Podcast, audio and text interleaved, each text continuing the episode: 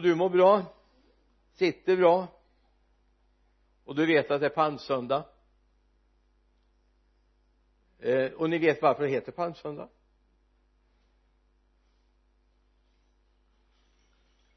ja, det har egentligen inget med lövhyddohögtiden att göra. Det var mycket palmblad med. Nej det var egentligen så här att när Jesus rider in så skär man palmblad lägger på vägen. Mantlar bred man ut och det här hade en eh, en förkunnare som var hälsade på när jag var i Kisa för många år sedan. Heter Flore Liljegren.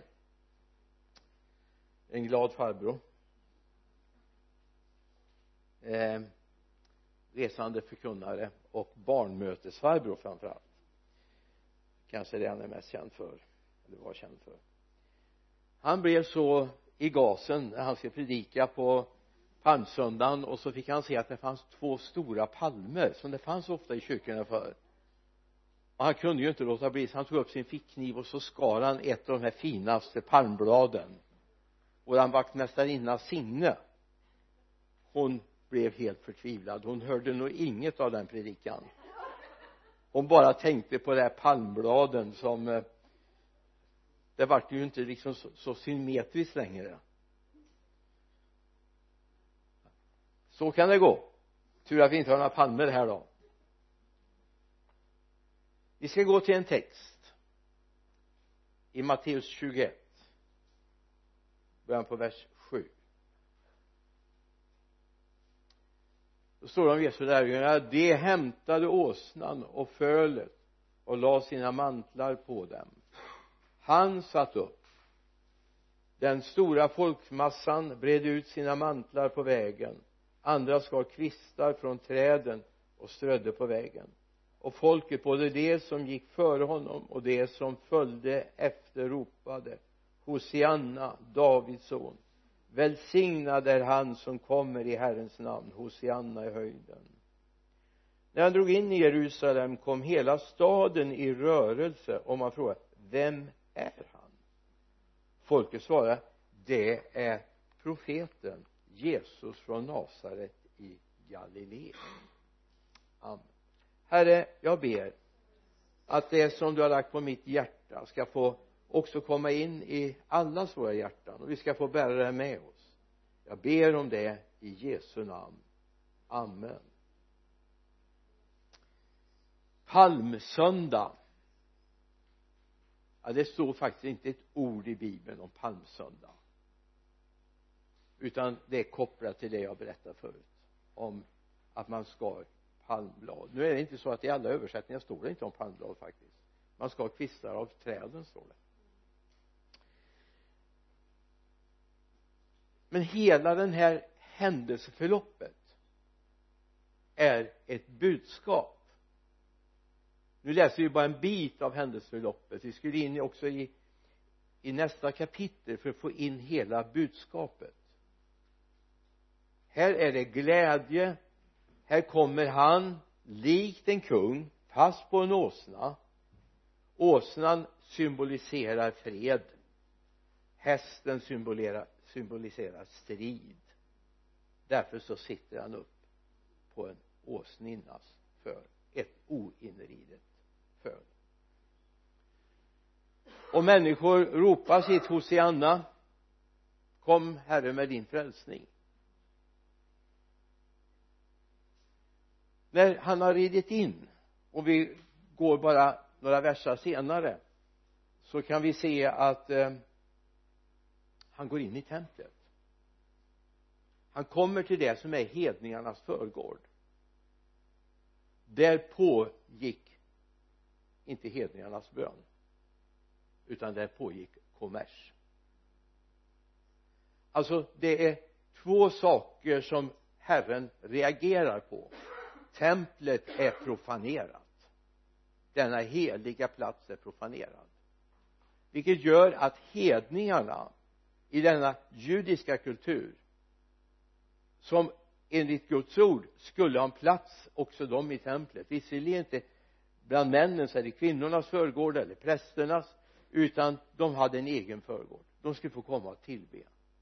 Men de var utestängda genom den här kommersen. Och det är det ena som ruskar om de fick inte komma och tillbe. Det andra det är att man gör något profant av det. Man säljer.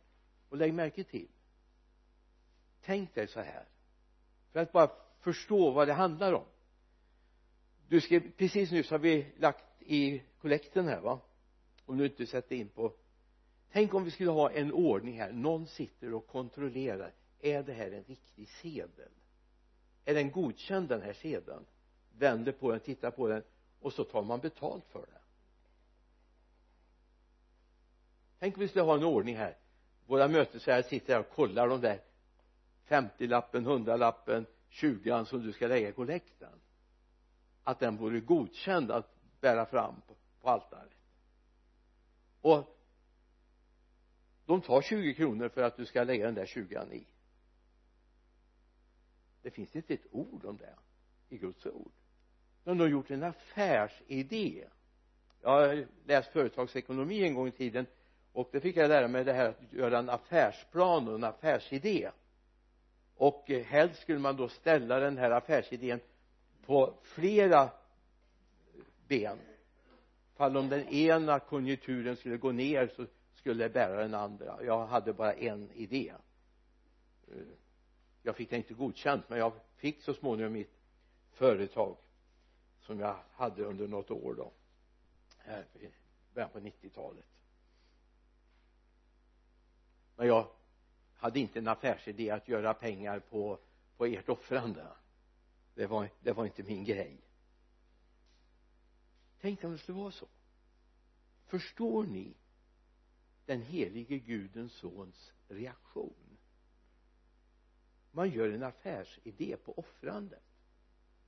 Ja men den där lammet du kommer faktum är att det är en liten fläck där på örat det går nog inte att bära fram det. Eller den där geten ja det är nog inte riktigt du ser hornen här på getbocken är inte riktigt formade. Det är bättre att du köper ett av oss här här har vi det som är fullkomligt. Förstår ni den reaktionen? Först hyllar de Jesus. Konungsligt hyllar de honom. Och sen kommer hans reaktion mot det som sker i templet. Men sen om vi tar nästa steg från vers 18 till vers 22 tror jag det är eh, så kommer nästa reaktion. Det är alla de här som nej jag får nog kolla här så jag. Från vers 14 är det väl? Ja. Mm. vers 14 till vers 17 när han har gjort det här rensat templet alltså förstår du reaktionen? Här välter han omkull växlarnas bord och här eh, jagar han ut djuren ur templet tar en repstump. Han som är så snäll driver ut dem. Helt plötsligt öppnas platsen. Här kommer lama blinda får sin syn och sin rörelseförmåga igen. Det är nästa steg i det här som sker.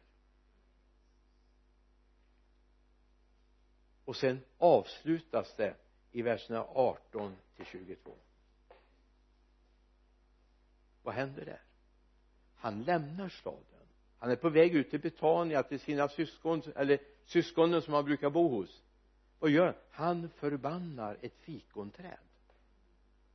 Han förbannar det så rejält så att det torkar ända ner i rötterna. Då. Vad skulle det vara bra för? Fikonträdet är bilden på Israel.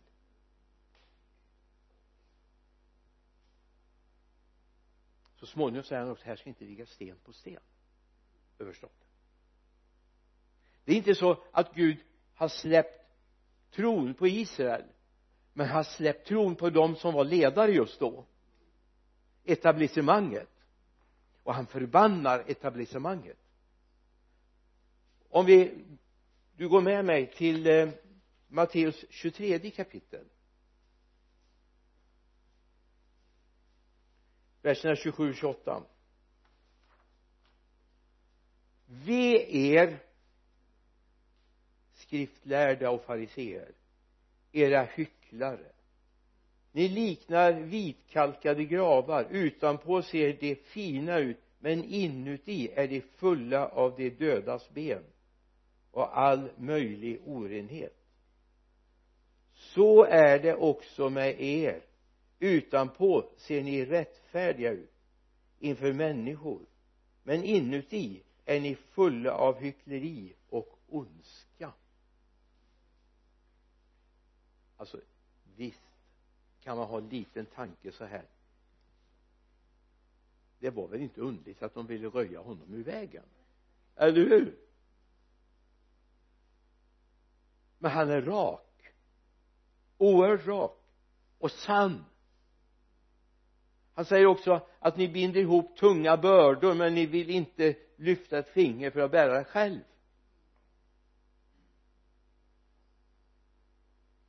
Det är viktigt vi ser det här är helt hela det här paketet är det budskap Jesus vill förmedla. Så vi inte bara stannar vid de brutna grenarna och vid mantlarna. Det här är hela budskapet. Han kom såsom en fredens mäklare, fredens kung. Det står ju att han är fridsfursten men han skapar inte frid med det som är orättfärdigt. Han skapar inte frid med det som är synd. Utan han rensar. Och jag tänkte så här. Är det någonting? Om Jesus skulle komma till Vänersborg idag tänk dig att han kommer ridande på en åsna. Häftigt va? Jag hörde om en präst nere i Småland. En kyrkoherde i en församling som tänkte hur ska jag få lite liv och rörelse på palmsöndagen? Jo han gick till en lantbrukare som han visste hade åsnor. Undrade om han kunde få låna en åsna till palmsöndagsgudstjänsten. Han flyttade så småningom till Norrland och gjorde samma sak där. I en församling strax utanför Örnsköldsvik. En landsbygdsförsamling. I alla fall det gick väldigt bra den första delen. Ända tills orgen satte igång. Då blev det inte så lyckat. Åsnan stannade.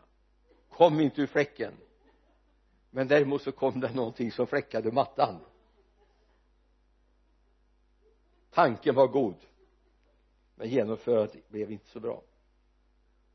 Tänk om om det här skulle hända idag. Finns det någonting är det någonstans han skulle gå in i Guds hus och rensa upp idag? Finns det någonting som vi sysslar med som man gjorde i det etablerade bland etablissemanget i Israel på den här tiden.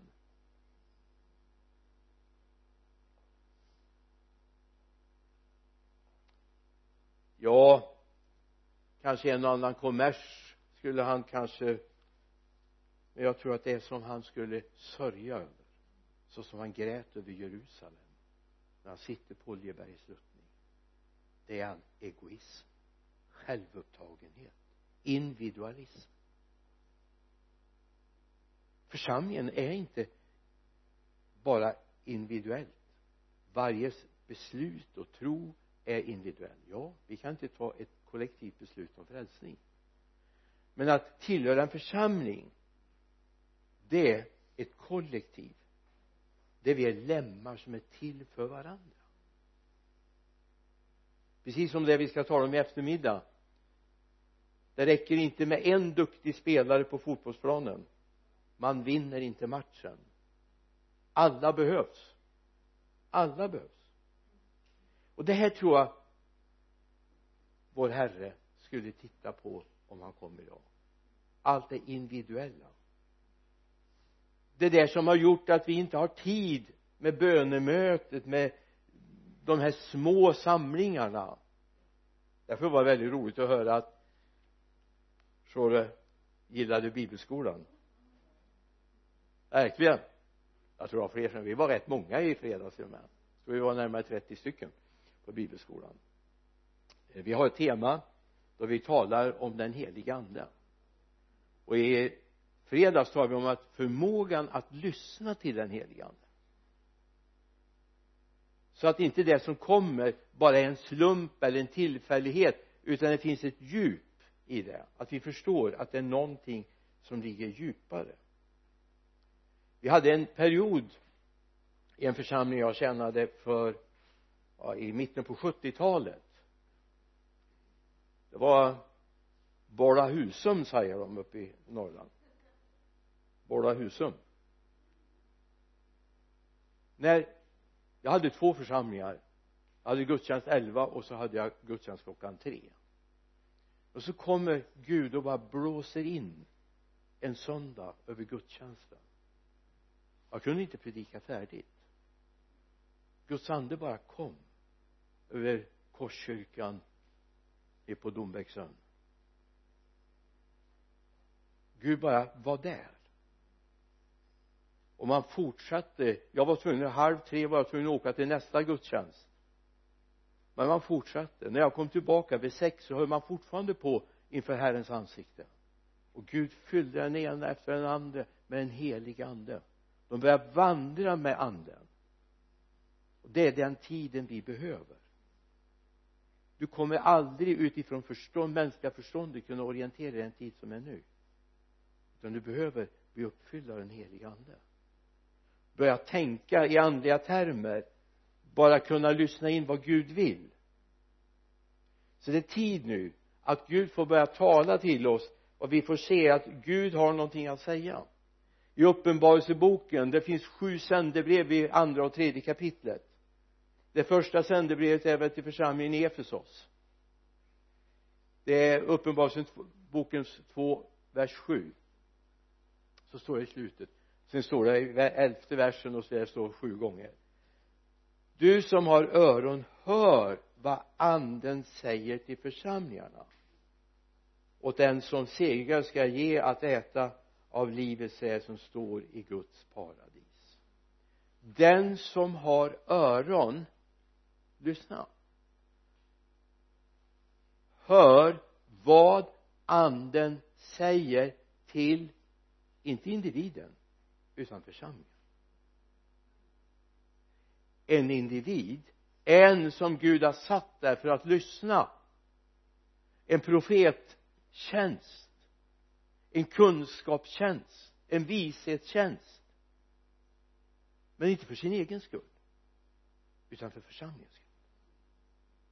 Det här har vi fått problem med i vår tid tyvärr. Det är inte alltid så att vi vi lyssnar in för församlingens skull utan vi lyssnar in för vår egen skull och det är viktigt att vi får tag i det här. Det finns ett budskap också i vår tid. Jesus manifesterade budskapet verkligen.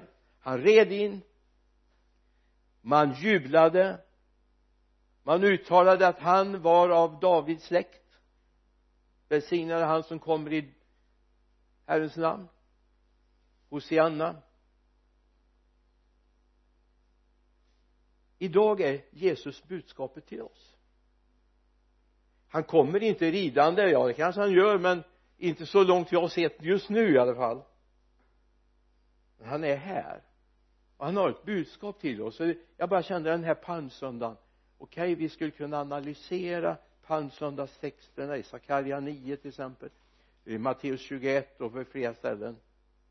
I Markus evangeliet. Men jag känner okej okay, det är jättebra.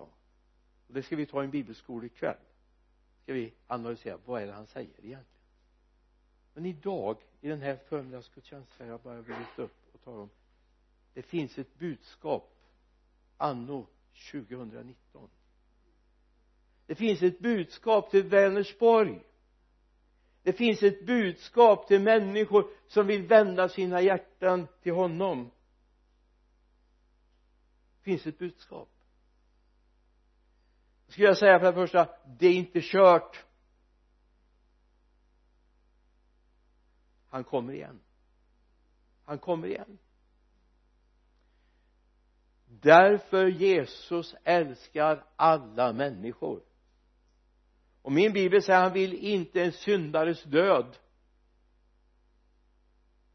Utan han vill att vi ska lära känna honom.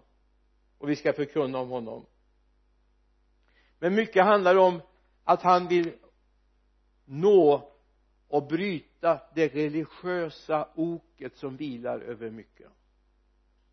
Det är mycket religiöst även i frikyrkan som bröt fram som en reaktion mot det religiösa etablissemanget. Idag har man blivit lika religiös det Eh, pulserar inte av liv, av hängiven hänförelse. Utan man sätter sig själv i högsätet åt mitt och det mina. Gud talar in i vår tid vakna upp. Vakna upp du som sover. För Kristus vill lysa framför dig. Gud vill att vi ska komma med det felfria offret. Inte det som är kontrollerat av någon som gör business på det men med hjärtan som är överlåtna till honom. Hebreerbrevet 12 och 1, 11 och 1 nej 12 och 1 står det att vi frambär ett andligt offer. Vad är det? Jo det är när vi kommer med hela jag. När hela jag är med i matchen när jag är beredd att lägga ner någonting av mitt eget tänkande då säger säga Gud du först.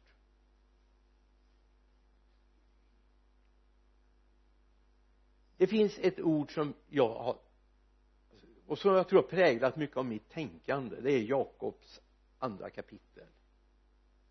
Jag är jag är lite nördig, jag vet det. Ni, ni får ta mig så men det finns någonting som har drabbat mig.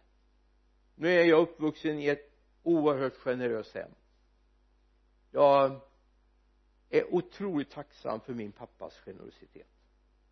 Otroligt tacksam. Jag menar när arbetslö det fanns arbetslösa som kanske aldrig i hela sitt liv har haft en anställning aldrig gjort egentligen en vettig grej så sa alltid pappa om man mötte dem i kyrkan de var nyfrälsta. Han sa du kan komma och jobba hos mig. Vi hade säkert tio tal som jobbade hos oss som egentligen inte kunde göra någonting. De var bara en kostnad. Det fanns inga lönebidrag att få för dem. Han fick betala dem. Men tänk vad de restes under en period. Jag skulle kunna namnge flera av de här som blev mina vänner så att säga när jag växte upp hemma i pappas, pappas företag. Jag tänker på vissa orter jag åker förbi ibland. Här kom han ifrån. Här kom han ifrån. Och när vi närmade oss jul så var det väldigt slitsamt och väldigt mycket jobbigt i mitt fars och mors företag. Då säger han var firar ni jul någonstans? Till min mammas för stora förskräckelse. Ja vi vet inte. Var var ska, tänker du att det ska vara? Jag vet inte. Men du ni kan komma till oss och äta julmat. Och det gjorde de ju ibland det var en, det var en häftig upplevelse. Men just detta ibland blev vi ju bedragna naturligtvis pappa lånade ut en cykel för att en sa att han hade fått ett jobb ute på Jula mosse. Som ligger utanför stan hemma. Och han behövde ta sig dit på morgnarna. Han hade ju inte körkort så att eh, men han fick låna pappas nya cykel. Den hittade han på pantbanken sen min pappa. Han har gjort pengar på den. Han har fått med sig en termos en sån där vad kallas tv-termos vad hette på den tiden? För han skulle ha ha med sig lite fika till jobbet som vi gjorde i ordning hemma. Den fanns också på pantbanken sen. Och så säger en del pappa eller Nisse heter han du är väl dum? Du förstår ju att de gör bara pengar på det. Ja men någon gång kanske det lyckas sa han. Så vi blir av med en hel del. En radioapparat och en klockradio. Men vad gjorde det? Så småningom kom de tillbaka och gjorde upp sin sak. De hade inte möjlighet att betala det de hade, var skyldiga men de kom och bad om ursäkt. Det händer och då är det så här att det här bibelordet har jag blivit väldigt präglad av. Jakob 2, 14 till 17 mina bröder vad hjälper det om någon säger sig ha tro men saknar gärningar? Den tron kan väl inte frälsa honom? Om en broder eller syster saknar kläder och mat för dagen och någon av er säger till dem gå i frid, klä er varmt och ät er mätt. Men ingen av dem eh, men inte ger dem vad kroppen behöver. Vad hjälper det då? Så är det också tron i sig själv död när den är utan gärningar. Alltså vår tro och det tror jag är nästa steg som är budskapet idag. Om du har så dela med dig. Om du ska vittna för någon och de ser din gnidenhet att du måste för säkerhets skull ha pengar förvarat för framtiden som den rike kornbonden då säger Jesus du dåre. Och det vill vi väl inte höra. Men tänk vad gott det är när vi börjar sträcka oss ut och hjälpa varandra. Att alltså någonstans kommer det igen. Det gör det. Jag ska säga att du kan aldrig ge bort så mycket så att du blir fattig. Men du kan behålla det du har och bli fattig. Det är, det är en annan logik bakom Guds ord än den vi har. Det är nästa budskap.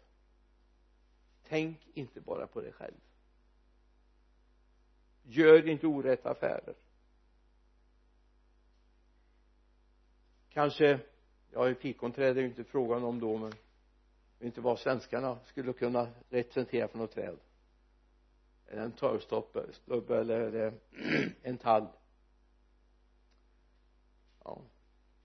Kanske de också kan vissna. Sen vet vi det och det, det ska vi också säga. Jag mötte en man häromdagen i ett sammanhang som bara välsignade en ort där han bodde. Han var inte alls troende. Han var så lycklig. Han sa när vi hade haft den här förhandlingen så bad han mig komma in igen. Och jag tänkte ja nu får jag mina fiskar varma här? Att inte jag har gjort det jag skulle och så vidare. Men då säger han det. Du jag bor där och där. Det finns en liten pingstkyrka. Där jag har fått sån respekt för dem. Jag har fått sån respekt för dem. Och varför det? Jo vi fick en flyktingförläggning i vårt lilla samhälle. Och de flesta gnällde. Och det, det, det är så få och det, det går inte. Det går inte att få dem men det sa inte pingstvännerna alltså. De sa vi öppnar vår kyrka. Här ordnar vi SFI här har vi en liten klädbutik så vi kan dela ut kläder. Så kom nu och skänk hit. De som gick till flyktingförläggningen och tog hand om dem och försökte skapa ett socialt liv det var den här lilla pingstförsamlingen. Den enda, enda frikyrkan som finns på den orten. Jag blev så glad när jag hörde det de har fattat grejen vad det handlar om.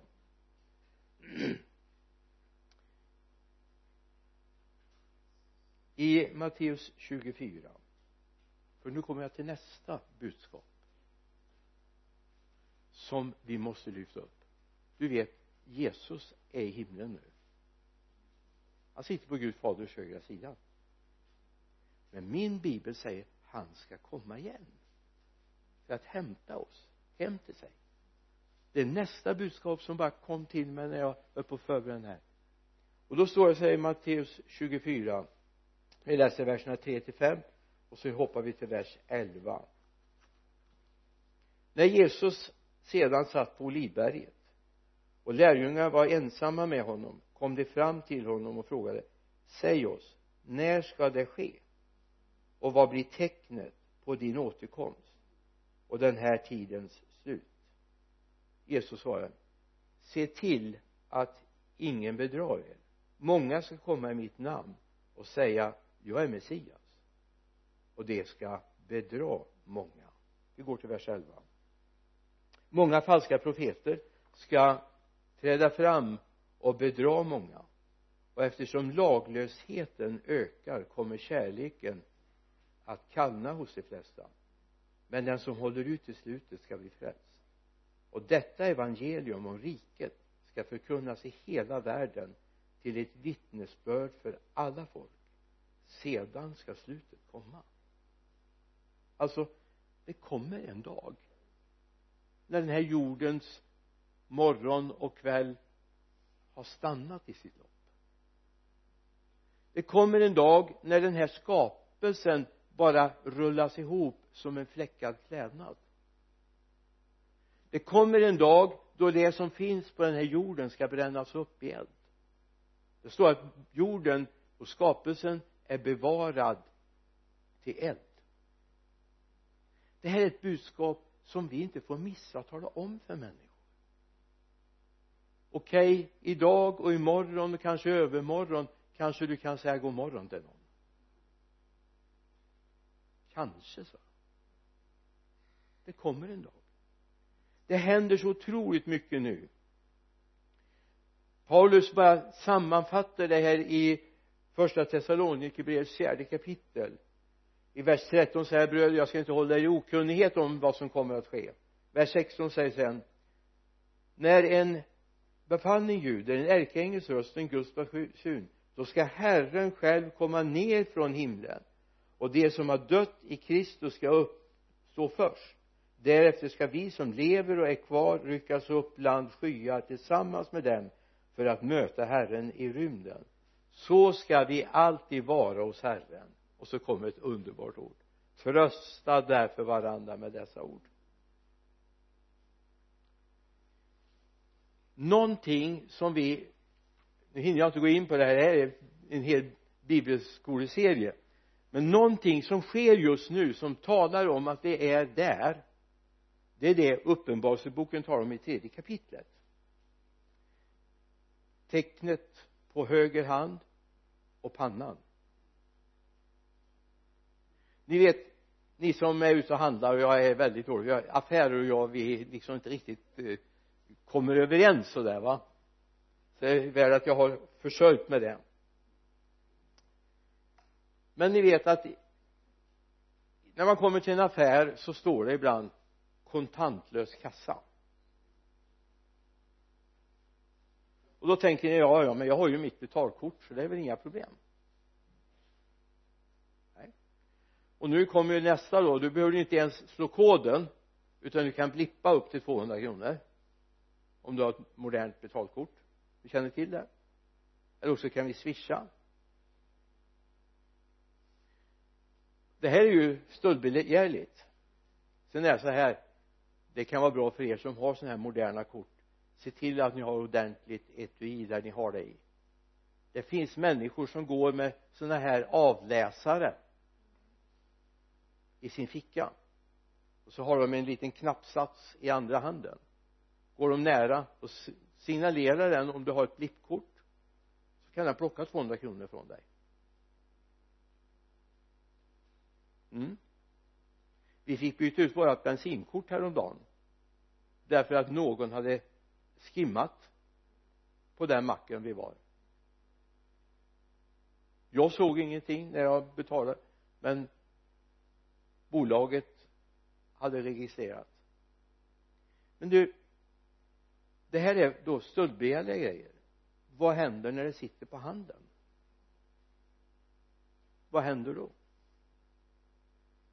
Jag tror inte de kommer ta huvudet av dig för att komma åt eh, pannan. Det tror jag inte. Men händerna alltså vi lever i en tid där vi går mot det kontantlösa och då måste vi ju betala. Och då står det att det kommer en tid att har man inte det här så kommer man inte kunna köpa och sälja. Tekniken är där nu.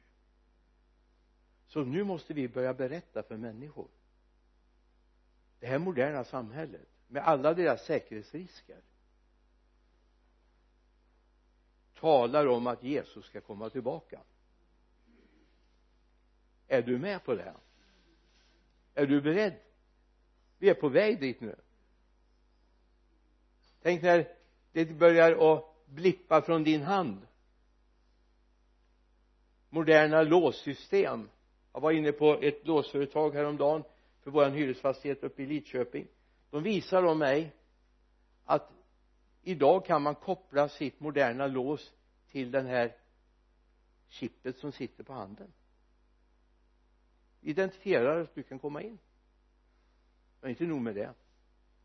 Korten chippen talar också om var du är någonstans.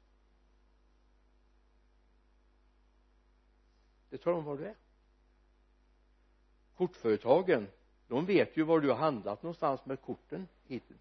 Det kommer bli ännu mera. Det här blir en hårdvara. Alltså nästa budskap Jesus ska komma tillbaka. Är vi beredda? Är vi beredda? Det håller på att dra ihop sig nu.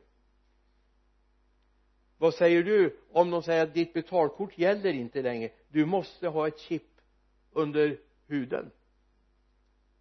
Annars får du inte köpa. Du får inte handla hallå? Är vi beredda? Är vi beredda? Det här kommer funka väldigt dåligt i en individualiserad värld det ska jag säga dig. Ja, det finns flera saker som jag bara känner det här är viktigt att vi får lyfta upp. I uppenbarelseboken 13 jag kan nu bara se vers 16 till 18 det står om det som sker i vilddjurets tal en av de största datorerna i världen som registrerar många av betalkorten har som sin kod 666 finns i Bryssel. Jag tror det är bra att vi börjar vakna till. Alltså det är inte så att vi ska skapa ord vi ska trösta varandra med dessa ord. Varför då? Det är bara att tala om att snart är vi hemma. Resan var lång och besvärlig men vi är snart hemma det är bara att vi bekymrar oss för de där som inte är beredda som inte kommer möta honom. Men du vet nu ska vi se det positiva. I den hebreiska kalendern så pratar man om sju plus sju år. Det här har du redan i bibeln. Vart sjunde år var ett sabbatsår alltså Gud är makalös va? Alltså sjätte året får man så mycket skörd som man klarar sjunde året utan att så och skörda. Alltså det är ju bara ett bevis på att Gud har omsorg. Så om man följer det så funkar det. Men sen kommer ett femtionde år. Och jag tror vi är framme vid femtionde året snart. Det kallas för jubelår. Det här är ju egentligen någonting som vi måste jobba med i bibelskolan femtionde året vad händer på ett jubelår? Jo egendom återgår till rättmätig ägare.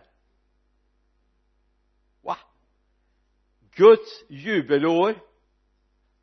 Psalm 24 säger att jorden är Herrens och allt vad som är på den. Men så ser det inte ut. Men när vi kommer till jubelåret Guds jubelår då kommer jorden återgå till Herrens ägo djävulen har gjort färdigt. Amen. Så vi är på väg mot Guds jubelår. Och det är väl gott. Då vet vi att Gud har kontrollen. Han har inte tappat den.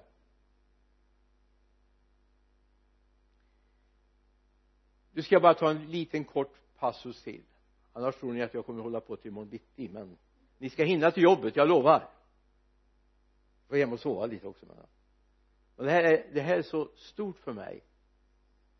För det vi behöver nu det är det nästa löfte. Det är vi behöver en helig ande. För att du ska förstå och registrera och hänga med nu i det som sker så behöver du en helig ande. Alltså är det någon gång vi ska vakna till nu så är det nu. Därför att Gud har så mycket han vill säga men du har en trasig kommunikationsdel. Hallå? Du har en trasig kommunikationsdel. För att uttrycka mig milt. Det pågår en sändning från himlen. Där han vill tala om för dig vad nästa steg är. Vad han vill med ditt liv det pågår en sändning nu. Och Gud vill tala in i ditt hjärta. Du ska inte gå oförberedd. Jag berättade i fredags en sak som vi går igenom som är ganska tuff just nu. Det har hänt nu. I augusti informerade mig Gud. Innan någonting hade hänt. Slutet av augusti sista veckan i augusti informerade du mig Gud om det jag upplever nu han har koll. Och då kan vi bara lita på att han har koll. För han älskar sitt verk. Han älskar sitt verk. Han älskar sin församling. I Johannes 14 står det och jag ska be vers 16 och jag ska be fadern han ska ge er en annan hjälpare som ska vara hos er för alltid.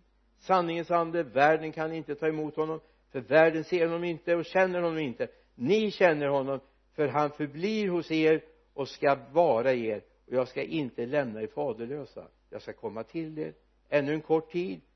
Och världen ser mig inte längre. Men ni ska se mig för jag lever och ni ska levna, leva. Så det är tid att öppna våra hjärtan för den heliga ande.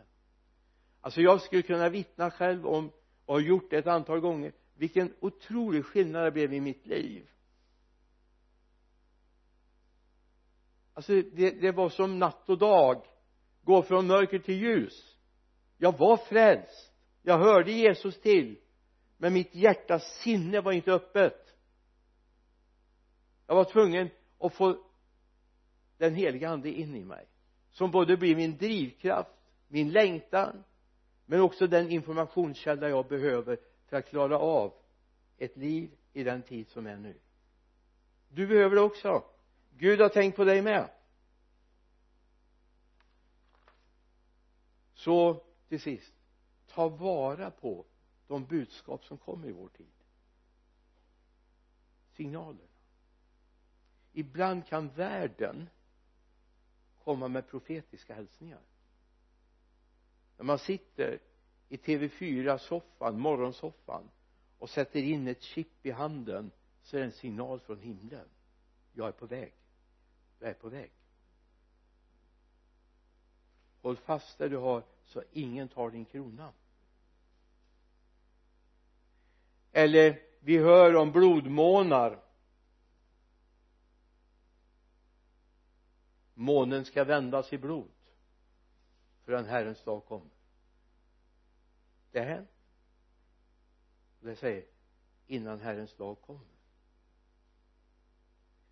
ryktet om jordbävningar på den ena orten efter den andra ska komma det är ett tecken på att han ska komma. Men då säger de så här geologerna ja men det har inte varit så eller seismologerna säger det har inte varit så många fler jordbävningar än varit förut. Nej men ryktena har nått nu därför vi har ett annat kommunikationssystem.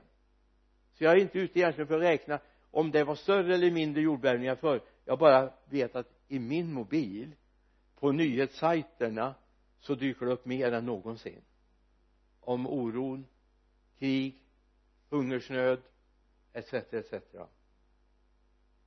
ryktet om krig. Ryktet om jordbävningar. De når oss. Och vad säger det? Jesus säger jag, jag är på väg nu. Var beredd. Håll fast nu så att du inte du missar kronan. För den behöver du när du ska hem till himlen va? Du behöver kronan. Kungavärdigheten är din ja det här var lite eh, spridda, tank, spridda tankar en palmsöndag. Kom ihåg det finns ett budskap i vår tid också. Det finns ett budskap som gäller oss här och nu. Låt oss be. Herre jag tackar dig för att du vill låta det här få, få sjunka ner. Låt oss bara förstå att det är på allvar nu fader. Herre nu leker vi inte kristendom längre utan nu är det allvar. Och vi tackar dig fader för att du har omsorg om dina barn lovat vare ditt namn. Amen. Amen.